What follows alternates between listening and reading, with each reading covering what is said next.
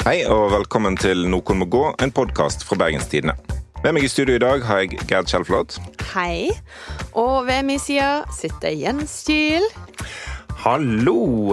Eller hadde egentlig tenkt jeg skulle utvikle en sånn eh, ny, kul hilsemåte. Eh, Slutt med det. Hei sann, Albert Sveisann. Nei. Sånn, sånn som ungdommen sier. Og så hei sann, Albert Sveisann, eh, Morten Miksvold. Åssen er livet? Dårligere akkurat nå um, enn det det var for to minutter siden. Hvordan går det med dere andre, da? Skjedde noe interessant siden sist? Vært i Oslo? Så nei fra deg. Oi. Jeg har vært i Åkra. Uh. Ja. Det er litt mer eksotisk. Hadde dere is på butikken? Eh, da hadde det, og så kom isbilen. Og da var Best of both worlds. Ja. Det hadde jeg ikke eh, opplevelse siden 2005, tror jeg. Ah, det er Det er sånn varsel på mobilen når isbilen kjører forbi hjemme. Det er helt strålende. Du får varsel sånn 30 minutter før på SMS. Det er Nei, helt er det nydelig. sant? Og så er det sånn kart, og så kan du følge med, og så hvis du liksom blir lei av å vente, så kan du gå i møte. Helt strålende. Nei. Det er det.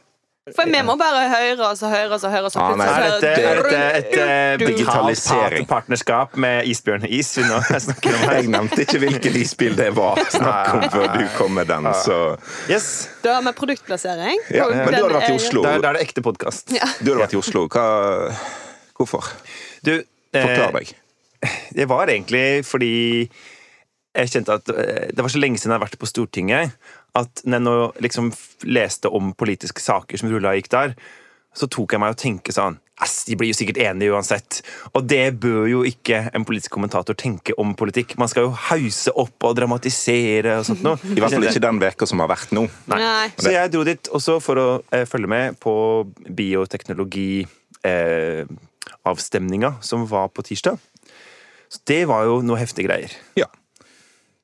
Men i dag så skal vi snakke om det. bioteknologiavstemmingen. Vi skal snakke om nominasjonen før neste års stortingsvalg. og Da må vi selvfølgelig innom kaoset i Venstre. Yes. Eh, og så skal vi snakke om hvordan skarringa sprer seg på Vestlandet. Men først må vi altså til Stortinget fordi det skjedde ting i bioteknologiloven. Denne veka så ble den loven endra sånn på skikkelig for første gang på 16 år. Ap, SV og Frp gikk sammen om å innføre eggdonasjon, assistert befruktning for enslige, NIPT-test og flere andre ting. Eh, Det ble en ganske heftig debatt, og det var spennende til siste slutt i voteringen hvordan det faktisk skulle gå.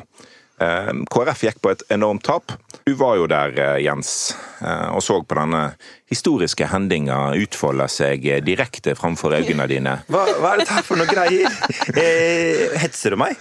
Eh, På en måte for å gjøre jobben din. Altså, men, men det jeg egentlig skulle spørre om før det sklei ut i hets, var altså, var det så spennende som det så ut for, for oss som fulgte debatten hjemmefra? Ja, det var på en måte det. For Som Fordi- oftest så vet vi jo hva resultatet blir Ja. på forhånd i Ja, en og, det er, og det er jo også sånn at det bærer jo ofte debattene preg av. ikke sant? At det er sånn eh, eh, SV og Frp foreslår bygg Nord-Norge-banen, og så er det sånn, det er ikke snakk om at det får flertall. Sånn at noen går opp og tar et innlegg fra SV og et fra Frp, og så kommer Høyre og holder et liksom pliktskyldighetsinnlegg eh, mot, og så er man ferdig. Men så her var det jo sånn at i og med at ingen helt hadde kontroll på hvor mange som ville bryte ut fra de forskjellige blokkene. Ikke sant? Du kunne finne noen i eh, Frp som ville stemme med KrF. Du kunne finne noen i regjeringspartiene Venstre og Høyre som kunne bryte ut. Og det blei jo også flere gjennom dagen som brøyt ut fra regjeringa, enn det egentlig var kjent Det var ei ei fra Høyre som brøt ut Blant annet. på talerstolen. Og motsatt vei. At, eh, sånn som, Senterpartiet hadde jo òg ei som brøt ut. på noe. Ja. Og motsatt vei så hadde du eksempel sånn som Listhaug, som jo mange trodde at kunne eh, stemme sammen med KrF, som valgte å stemme i tråd med FrPs partiprogram. Og det gjorde jo også at debattene var sjukt intense. Altså at det var fordi at eh, alle ville virkelig på en måte argumentere sånn at det ble så vondt som mulig for de som satt løsest liksom på den andre sida. Eh, Det var mange sånn personlige historier og litt sånne ting òg. Ja, Mm. det var ganske heftig, altså. Ja. Så, og det var veldig kult å høre på, egentlig. Eller sånn, ja, men sånn Hvis du tenker forskjellen på altså de norske debattene, som ofte er veldig sånn faktaorienterte og for så vidt liksom verdige. Så det, har, det, er jo litt gøy å se på når britene holder på i parlamentet. sant? Mm. Og det er, ikke, det er ikke sånn eh, bråkete nå, men det, men det der at det er så At du merker at liksom spenninga sitter i salen. da. Mm. Så det eh, var uh, egentlig veldig kult. Og så var det jo uh, veldig sånn interessant å høre hvordan de argumenterer. Altså type sånn som det, ikke sant? Når KrF har skjønt de har tapt på absolutt alle punkt her, og begynner å argumentere med at uh, dette blir så dyrt å gjennomføre, kan faktisk koste 100 millioner, Mm. og alle som sitter i den salen, veit at altså, KrF er jo kjent for ikke å ha noe forhold til utgiftssida på statsbudsjettet, på en måte. Det er litt stygt sagt, men dere skjønner, ikke sant? De er jo veldig sånn De har jo visstnok det dyreste partiprogrammet av alle, for at de bare vil øse ut penger til gode saker.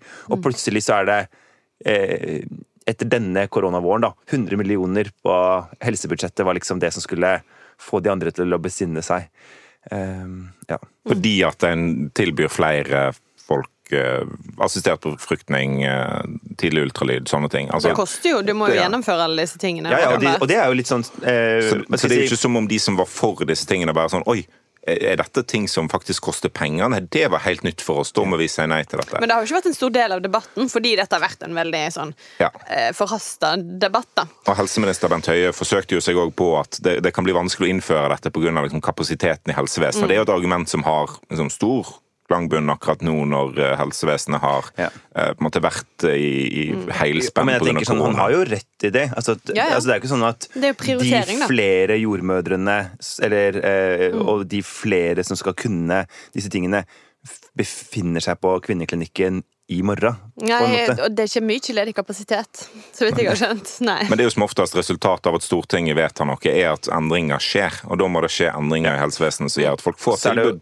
Likevel, tenker jeg, stor forskjell på Bent Høie, som sier eh, vi skal innføre dette, men vi greier ikke å gjøre det med en gang. Og Kjell Ingolf Ropstad, som jo er barne- og familieminister, og som sa at han liksom er, vil absolutt ikke være opptatt av å få gjennomført det så fort som mulig. Ja. Altså, Derfor er kommer jeg ikke til å jobbe for at dette skal bli så raskt innført som Stortinget ønsker. Ja. Altså, det er ikke akseptabelt for en statsråd å si. Nei. altså Makta til statsrådene utgår fra Stortinget. De har vær så god å rette seg etter det. For Altså, det er litt sånn vanskelig når, når en ser på norsk politikk, så er det sånn alle sjefene sitter jo i regjering. Altså Erna Solberg sitter og, og, og, og liksom, Nå har jo ikke Venstre liksom en partileder i det var regjering. alle store som du klarte å komme på. Jo, men av, av partiledere. Altså, Ropstad sitter i regjering og er lederen der. sant? Eh, mens eh, de som de er sjefer for, sitter i Stortinget. Ja. Men formelt sett så er det jo de i Stortinget som, som bestemmer, og regjeringen er underlagt. Eh, underlagt Stortinget. Eh, og det må jo Ropstad på et eller annet tidspunkt finne ut. Eh, at han ikke bare kan si nei, Stortinget kan jo vedta hva de vil, men vi kommer ikke til å gjøre det så fort som de, de sier. Eh, det, Ja. det går ikke. Men kan vi snakke litt om denne debatten? For du var jo inne på det, sant? at den var ganske intens. Og eh, i etterkant så har jeg på en måte snakka med noen som, som er litt lei seg for hvordan det blir. da. Fordi at eh, på den ene sida, eh, som er for disse endringene, så er det ofte snakk om likestillingsargumentet. Dette er en stor seier for likestillingen. Eh, på den andre sida er det snakk om barna og barnas rettigheter. Og på begge sider så så er en del av argumentene en bruker. Sant? Den ene er liksom at eh, hva, de, hva KrF vil tvinge kvinner til å gå gjennom, eh, og at kvinner skal få lov til å bestemme for sin egen kropp. Eh, underforstått KrF vil ikke at kvinner skal få bestemme over sin egen kropp. På den andre siden, eh, vi har plass til alle i vårt samfunn, vil eh, en si på KrFs side. Vi står for liksom menneskeverd og i det hele tatt. Insinuerer da at den andre Ja. siden ikke gjør det. Hvorfor, hvorfor blir det alltid sånn som dette? Men jeg tenker noe av problemet her Eller problemet, da. Men ikke sant? Eh, det er jo ganske mange i disse debattene som ikke kan tale sin egen sak. Altså, de ufødte ungene eh, må jo på en måte ha talspersoner som eh, er noen andre, Ja. åpenbart. liksom, hvis det er et embryo som har lyst til å melde seg, så skriv gjerne et innlegg. Debatt, krøllalfa.bt.no. Uh, og, og på samme måte blir det jo for mange av de uh, damene, da. Mm. At det ser du jo at for mange av de som står fram med sine historier òg, at det koster enormt mye å Mm. fortelle eh, personlige historier. Altså, ja. Også Men det er, jo, det er jo ekte motsetninger. Det er jo eh, mødre som går gravid, som ender opp med en spontanabort i uke 18, og det kunne vært eh, oppdaga med NIPP-testen ja, før uke 12, da. Mm. Eh, sånn at en kunne tatt en selvbestemt abort i stedet for å gå lenger. Altså det er, det er ekte lidelse involvert. Ja, ja, eller sånn som sant, de mest ekstreme tilfellene. Altså folk som eh, føder et barn som er så sykt at det f.eks. overlever én dag, to dager. Eh, det er jo en enormt heftig ting ja. å skulle og det, og det, er derfor dette blir så vondt. Også, det vil jo prege et menneske resten av livet. Mm. Ja, og, og, KrF sier jo at dette liksom er en ekstremt vanskelig sak for dem.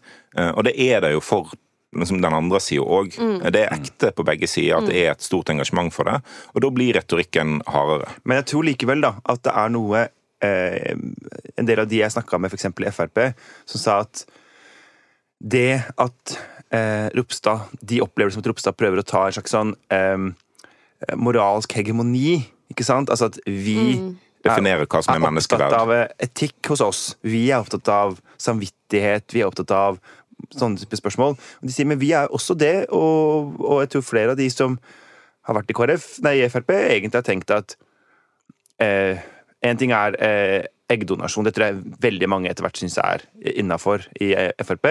Men sånn mitokondriedonasjon, som vi var innom sist også, ikke sant? har vi hatt en stor debatt om det? Eller er det ting her som vi kanskje skulle ha gått én runde til på, eller ikke sant? Jeg tror, jeg tror at KrF kunne, da, på noen av de punktene, hvis de hadde jobba litt annerledes, fått med seg flere, og kanskje fått noe mer gjennomslag eh, i stortingssalen. Men fordi de argumenterer så ekskluderende, oppleves det som, så tror jeg de blir stående mer aleine.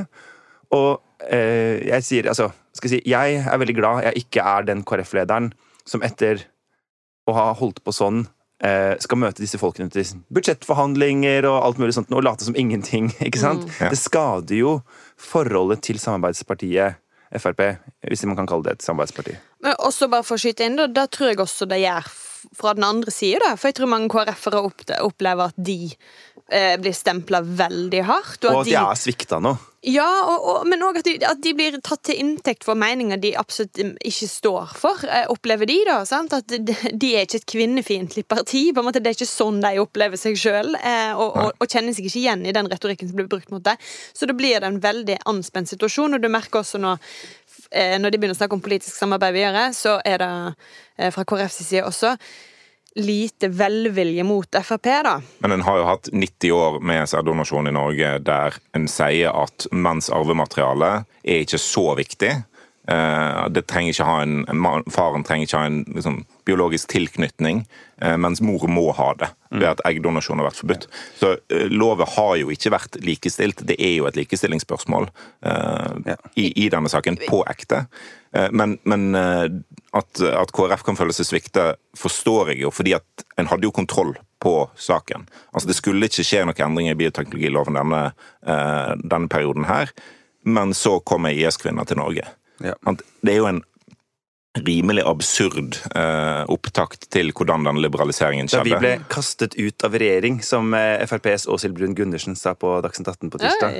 Ja. Det var bra. Det, sånn, det var en ny måte da begynte de andre å fnise og litt sånn Nei, det var vel egentlig dere som faktisk gikk helt, helt selv. Ja, ja helt, helt sjøl. Men det er, eh, jeg tenker at det som er så rart med den saken, da, er jo det at ikke sant, KrF veit så godt at det er et stort flertall på Stortinget og i folket som mener dette. Så den eneste måten de kan holde den skansen på en stund til, før den er tapt, er jo antageligvis ved en eh, å sitte i en flertallsregjering eller ha en forpliktende avtale på et eller annet vis. Um, og de har på en måte det at de alltid blir sittende med disse tapersakene, at de ikke kommer ut av det og klarer å finne liksom nye saker å vinne, istedenfor mm. bare å holde saker som må tapes på et tidspunkt. Mm. Ikke sant? Og så blir de en del, etter en stund, av eh, KrFs program. Altså at nå er jo KrF for at på en måte homofile kan eh, inngå partnerskap, f.eks. Mm. Det er et kjempeproblem for dem framover, da. For at de ender jo opp med å tape og tape og tape. Um. Men, men for KrF så vil vel mange altså innad vil mange føle at dette har vært en litt sånn teambuilding-øvelse. Ja, de er jo veldig samla. Nå Ja, er de gule alle sammen. seg, De er ikke ja. røde og blå. Nei, Ja. fra den her splittelsen som er Det er snart to år siden nå, da de hadde dette store veivalget sitt og i det hele tatt. Og som vi savner det. Ja. Ja, kanskje jeg nevner det uten at dere begynner å mimre. Men, men kan da på en måte nå, Bare for kjapt da, fram mot neste valg eh, Kan dette blusse opp igjen? For nå har en jo da mista alt en gikk inn på blå sida for å få. Ja. Jeg tror at denne saken samler dem veldig, og så tror jeg at de blir stående med en eh, Eller og så tror jeg den på en måte, hva skal jeg si, den, den er jo ikke så mye mer å snakke om, for den er jo tapt. Og den vil jo, de vil jo aldri klare å reversere det her. Én en ting er at på en måte man kan frede eh, bioteknologiloven. Men å gå tilbake, det Ja, er vanskelig. ikke, de får ikke med seg noen på det. Nei. Så, Nei, ikke sjans. Nei, men eh, denne uka så var det jo eh, noen som eh, fant ut at nå er tidspunktet for å lansere seg sjøl som lederkandidat i Venstre. Eh, skal vi høre på det? Ja, vi hører på det her. I dag så tenkte jeg å komme med en beskjed til de av dere som er Venstre-medlemmer. Eh, og det er at jeg har bestemt meg for å stille som Venstre-leder. Og jeg håper at dere vil velge meg på landsmøtet til høsten. Dette var Sveinung Rotevatn. Han vil bli leder i Venstre. Og da han la ut denne her videoen som dere nå hørte et klipp fra, på Facebook. Det var der han offentliggjorde det. Um, hos den amerikanske storkapitalen. Ja. Hva tror vi om at han har lansert sitt kandidatur? Morten Først- Å nei! Oi, oi, oi. Du kan egentlig ikke si noe om dette, du? Eller? Nei, jeg kan egentlig ikke det. Hæ? For det er Morten Inhabil Myksvold som er i studio igjen. Ja, jeg gjester dere igjen i dag. Hva er det du har gjort nå, da? Nei, jeg er fortsatt sammen med et medlem av uh, valgkomiteen til Venstre. Ja. Så dette får dere klare uten meg. Morten Myksvold har så masse fortid. Han Og- har så masse fortid. Men ha, ja, han har fortid, men har Venstre en fremtid? Det er det vi egentlig skal snakke om. Så du, òg er god på disse Ja, ja, overgangene? ja. Men okay. ja. jeg tenker eh, at det er veldig, veldig, veldig bra for Venstre at nå lederkandidatene begynner å piple fram på ekte. Mm. For da får man en åpen debatt om hvilken retning skal Venstre ta. Hva er det dette partiet trenger? Hva slags mannskap skal vi ha? Eh, for at eh, altså, Bør vi være et sånt parti eller et sånt parti eller et sånt parti? For at de, de kan ikke bare velge nytt mannskap, de må også velge en, en staket en politisk kurs da, Mm. og et prosjekt. Ja. Men var det overraskende at han kom med dette nå plutselig? Altså, jeg tenkte sånn eh, Litt sånn rar Jeg føler han kommer litt i skyggen av alt det andre. Mm. Men eh, det er kanskje bare sånn den, den type timing som de har i Venstre. Aldri helt perfekt. Nei. Nei. Liksom sånn som da Trine Skei Grande trakk seg òg, så var det sånn det var, det, var, det var viktig i ca. to sekunder, og så kom hele koronaen. Det var, var det samme dag som landet stengte ned? ja, omtrent, annet? Ja, det var ganske heftig. Men eh, Sveinung Rotevatn eh, Det er jo mange som tror at han kan bli leder i Venstre, men han har et handikap. Kan vi se det? At han er fra Sogn og Fjordane. Tenk at du igjen skal du hetse Sogn og Fjordane. Altså, Eh, Nei, det er ikke en funksjonsnedsettelse, nei, nei. det er et fylke. Eller det var et fylke. Ok. Det er ikke det jeg mener. Men Men det var det du sa. mm, mm, mm, mm, Du tolker meg. Du tar det ut av kontekst. Eh, Det var det må- som kom ut av den lille munnen din. Problemet er da i Sogn og Fjordane at de har fire representanter, eller fire plasser på Stortinget. Og tre av de er distriktsmandater, hvis jeg nå skal liksom inn i være litt nerde her. Altså, som er rett og slett Direktevalgte. Ja. Og da, det, da blir det sannsynligvis en fra Ap, en fra Senterpartiet og en fra Høyre. Ja. Det er ganske fast. Det, er ikke så veldig masse spenning om hvem som tar de plassene. Nei, altså hvis Høyre er liksom tidlig 2000-tall-versjonen av seg selv, så kan de miste den ene. Og da kan Senterpartiet eller Ap få to. Ja. Det er på en måte Men, men sånn eh, ellers Så da er det sånn at alle de andre partiene kjemper om utjevningsmandatet. Mm. Det fikk Rotevatn i 2013. Ja. Og så fikk Tore Storehaug fra KrF det nå sist. Og hvem som får det neste gang? Helt åpent. Og det betyr jo at hvis han plutselig blir partileder og stiller på en megausikker plass, Mm. krevende.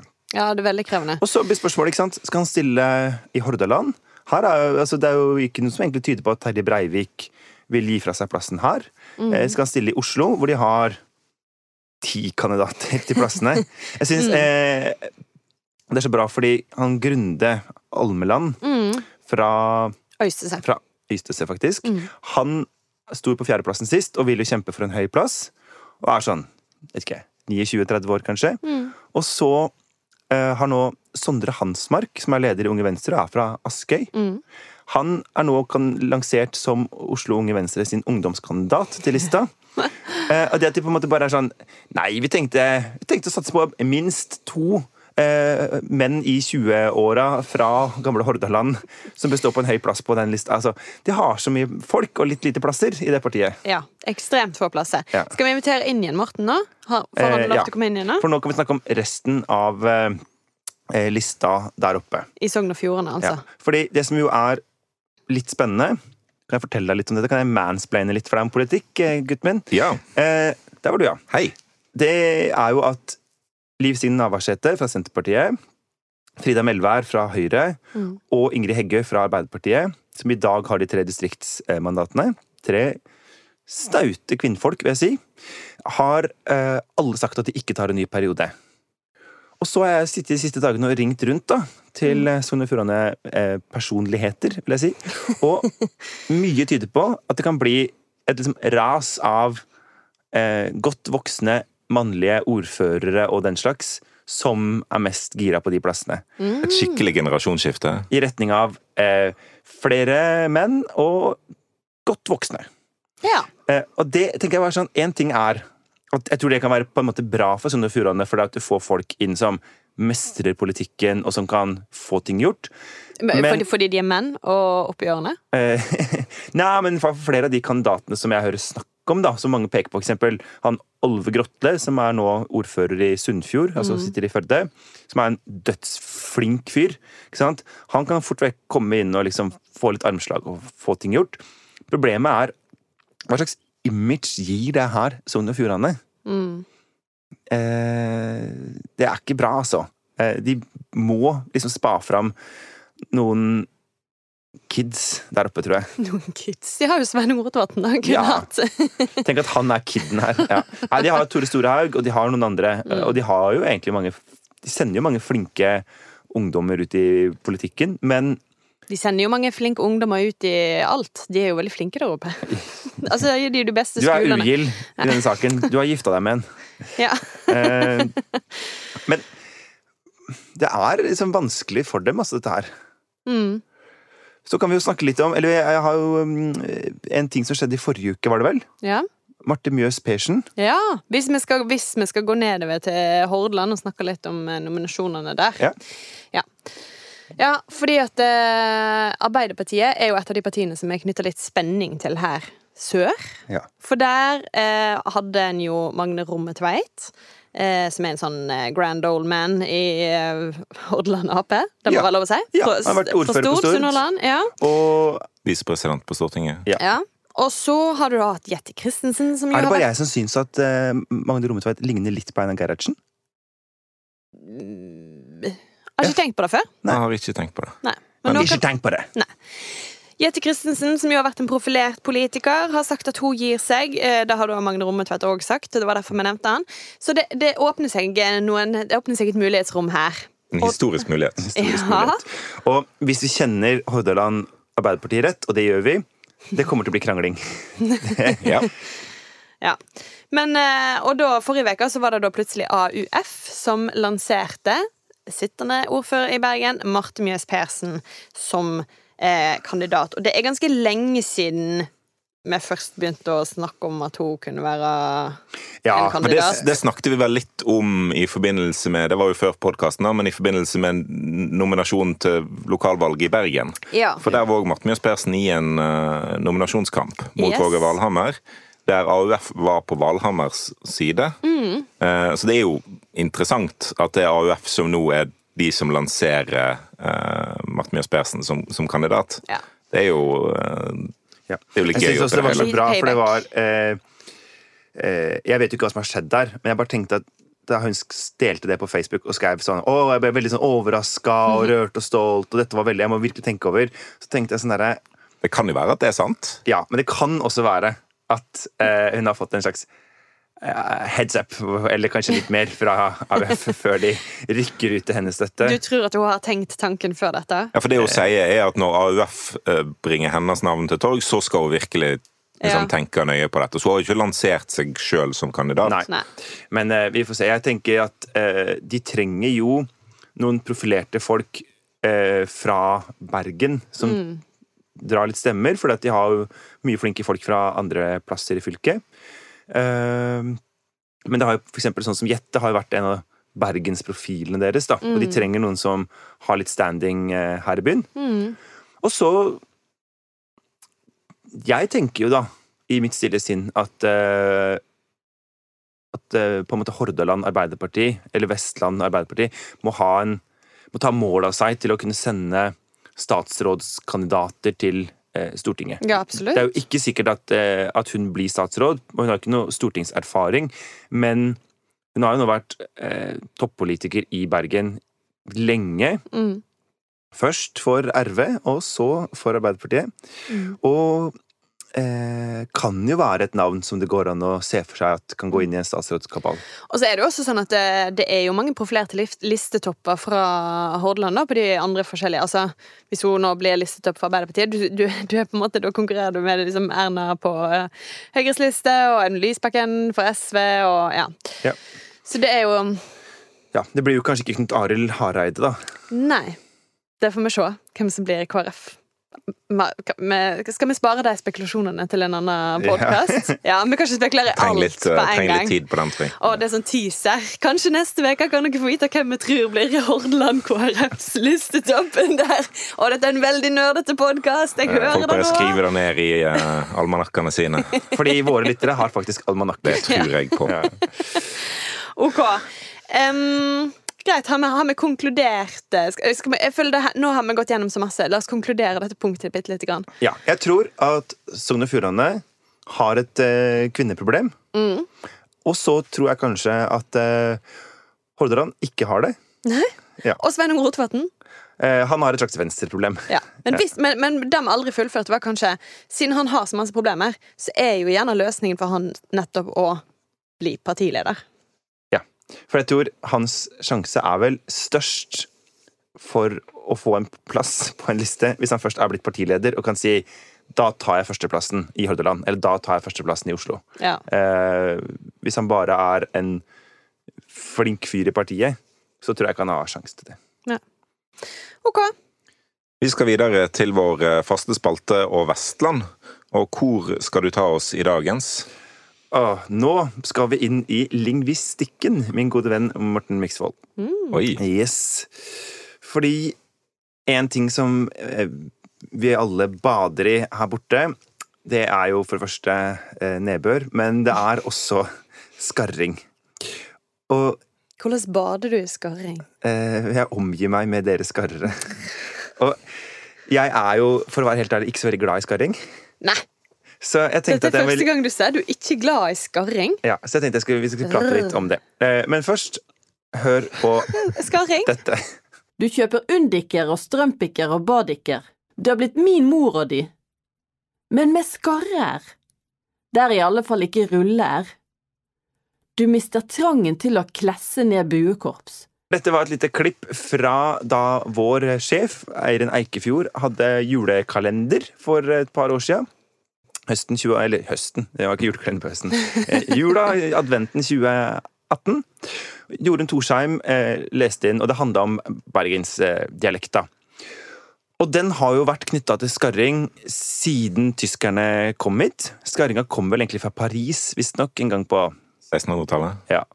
Og så har det jo da Når, når tyskerne kom hit, det er ikke snakk om krigen. Nei. Altså, det er hanseatene du, du nevner. Altså, jeg merker Det er sånne ting som når du flytter til Bergen, at det blir at da tyskerne kom Det er, Det er noe annet Ja. enn i resten av Det ja. er to vidt forskjellige Ja, ting. og det liksom, eh, da tyskerne kom, det betyr eh, velstand og handel Ja. og liksom ja, Da ble livet bra å problemet. leve. Oi, du mener krigen? Ja, det var ille. Ja. Det er Ja, ja. ja, ja. Eh, men sånn, sånn Tyskebryggen Det er ikke, en, det er ikke, noe, det er ikke en skjellsord. Ja. Nei. Nei, Det har vært en kampanje for å faktisk endre navnet på Bryggen til Tyskebryggen. Ja. Og prøve å få gjort det offisielt. Ja. Men ok, nå er vi på bærtur. Fordi utgangspunktet så er jo rulle-r-en er jo den på en måte urvestnorske lyden. lyden. Og så har skarringa tatt over. Og hva føler dere i dag at det er skarringa som på en måte er lyden av Vestlandet? Altså av de to lydene? Ja, det vil jeg si. Ja, Ja. absolutt. Og den- Hvorfor? Den, altså det er de fleste, i hvert fall i Bergen og områdene rundt, og de områdene blir jo større og større, eh, skarre. Ja. Eh, og det er måten folk snakker på her nå. Altså, uh, ting er i endring. Den vestlandske lyden eh, endrer seg. I motsetning til resten av landet så tar vi impulser fra utlandet. Vi snakker litt eh, parisiansk her i vest. Vi er liksom så kontinentale. Ja, I ja. Åkra ja, og ute på Radøy. Tenk Jo, deg at skarringen kom til Åkra før han kom Det er noe med liksom det bergenske språket òg. Altså det har jo tatt en del eh, trekk fra lavtyske handelsfolk. Sant? At, at en eh, har en-endinger i stedet for a. Mm. Eh, Altså for jenten. Jenten og r-en og visenkort og, og sånne ting. Og alle sant? barnene. Eh, Det er fordi vi, vi liker å tilpasse oss til Europa. Eh, Som vi ser på som en god ting.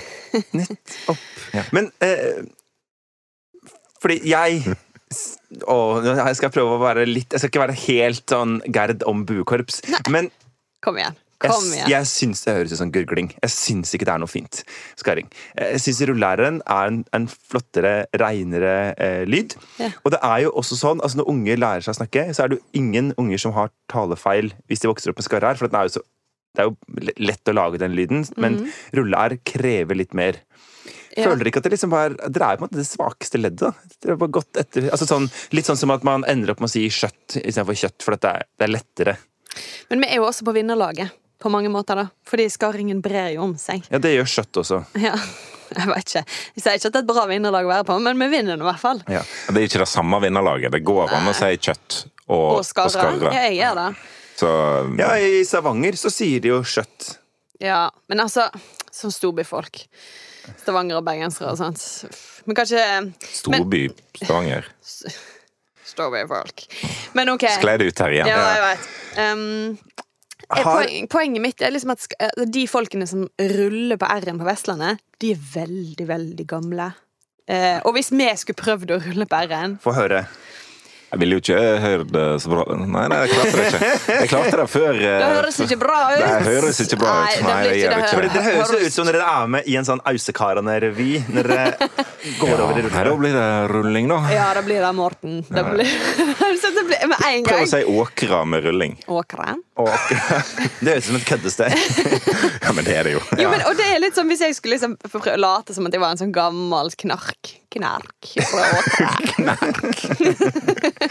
Men eh, Mixolini, i Nordhordland Ja. så er det jo sånn at folk ruller på R-en hvis de er eh, litt mer enn én generasjon over deg, kanskje. Ja. Eh, det har jo gått fort.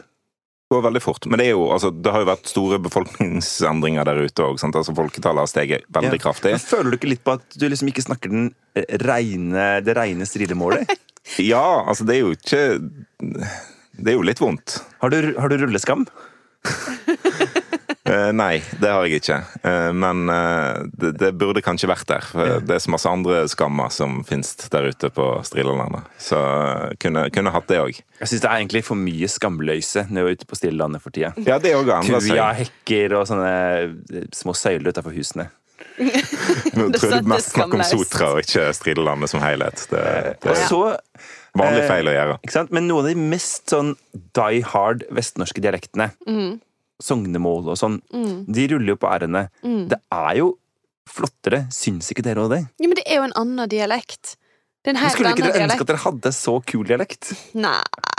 Altså, jeg er jo gift med en sunnfjording, Ja, og han Men fra sånn industriplass, da. Jo, jo, men han har jo fin dialekt. Ja.